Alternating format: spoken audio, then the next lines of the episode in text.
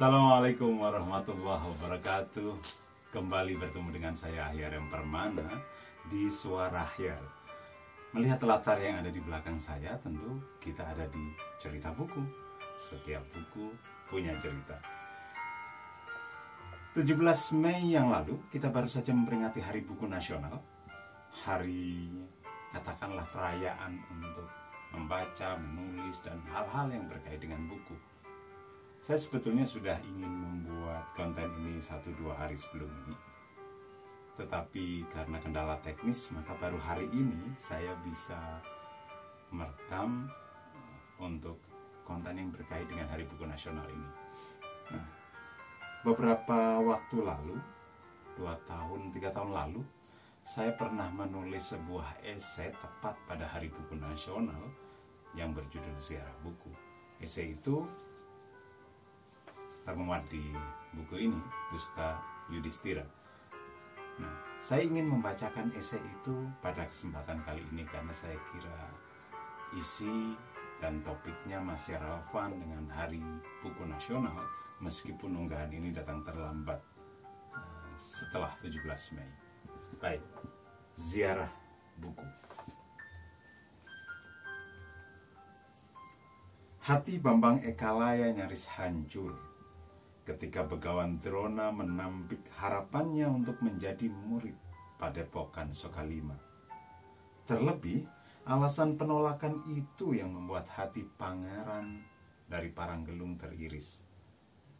Ekalaya hanyalah pangeran dari kerajaan kecil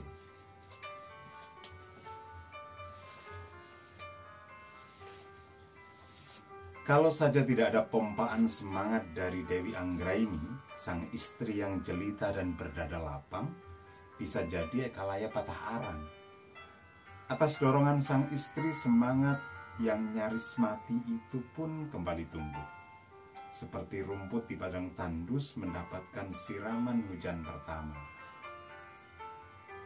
Belajar tidak harus berhadapan langsung dengan guru kalau berkemauan keras, di mana pun belajar pasti akan mendapatkan hasil seperti yang Kakanda mau, kata Anggra ini yang mewarisi kecantikan Dewi Warsiki ibunya. Singkat cerita, Ekalaya kemudian pergi ke tengah hutan. Dia membuat patung Begawan Drona, guru baktinya. Di bawah pengawasan patung itulah Ekalaya belajar memanah hingga menguasai kemampuan tertinggi dalam membidikkan anak panah. Ia pun menjadi setitis Arjuna, murid kesayangan Drona. Saya membayangkan pasti tidak mudah menjadi Ekalaya. Belajar secara autodidak, nirguru, dan juga nirbuku hingga mencapai kompetensi tertinggi. Tanpa kemauan keras, muskil rasanya dia bisa mencapai kemampuan itu. Nah, kalau saja Ekalaya hidup di zaman kini, sejaman dengan saya dan sampean, mungkin bebannya sedikit lebih ringan. Jikapun tidak ada guru, setidaknya ada buku, kitab-kitab, serat, babat, dan semacamnya yang bisa menjadi manual book untuk mempelajari segala sesuatu. Sayang, di zaman yang justru mudah mengakses pengetahuan, kita kerap kehilangan semangat belajar sekeras ekalaya. Kemudahan yang kita dapatkan justru lebih sering membuat kita terlena. Catatan semenjana ini saya tulis di penghujung tanggal 17 Mei yang merupakan Hari Buku Nasional. Hari yang bisa jadi tidak sempat mampir di benak kita. Jauh dari hiruk pikuk hari-hari peringatan yang bejibun jumlahnya. Apalagi bukan tanggal merah pula. Bahkan jika disanding-tandingkan dengan Hari Buku Sedunia yang jatuh pada tanggal 23 April, rasanya Hari Buku Nasional kalah bergema.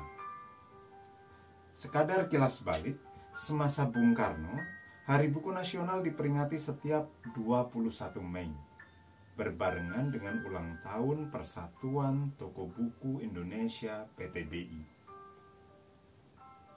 Namun sejak 17 Mei 1980, rezim Soeharto menetapkan 17 Mei sebagai Hari Buku Nasional yang baru. Bertepatan dengan peresmian Gedung Perpustakaan Nasional di Jakarta. Secara kebetulan, tanggal itu juga tepat dengan ulang tahun Ikatan Penerbit Indonesia IKAPI. Sejak Soeharto lengser pada 21 Mei 1998 kebetulan kok ya tepat pada Hari Buku Nasional versi sebelumnya sebenarnya muncul wacana baru mengenai penetapan Hari Buku Nasional. Namun hingga hari ini, Hari Buku Nasional kita masih belum berubah, yakni setiap 17 Mei. Sudahlah, soal kontroversi kita bahas pada lain hari. Yang jelas momentum Hari Buku Nasional 17 Mei bisa menjadi titik tolak untuk kembali menengok buku. Senyampang masih ada waktu, Sebelum gegap gembita internet, media sosial, dan Android genggaman membuat kita semakin berbelok jauh dari buku. Apa sih yang bisa kita petik dari peringatan Hari Buku Nasional? Seharusnya Hari Buku menjadi momentum untuk meningkatkan budaya baca dan kecintaan terhadap buku. Bukankah buku merupakan jendela dunia dan membaca adalah kunci pembukanya? Sayangnya kita masih bersimpang jalan dengan budaya baca.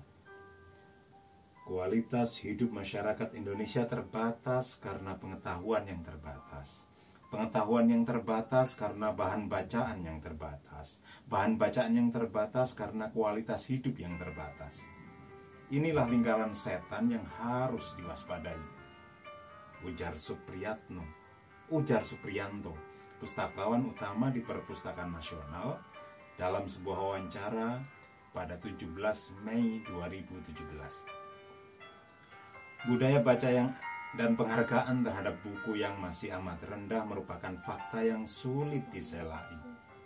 Studi Most Literate Nation in the World yang dilakukan oleh Central Connecticut State University pada Maret 2016 silam menunjukkan bahwa Indonesia berada pada peringkat ke-60 dari 61 negara soal minat membaca. Ini sering dikutip. Indonesia hanya satu tingkat di atas Botswana yang berada di peringkat 61, sebuah negara kecil nyaris di ujung selatan Afrika. Penduduk Botswana hanya sekitar 1,6 juta jiwa, setara dengan penduduk kota Semarang.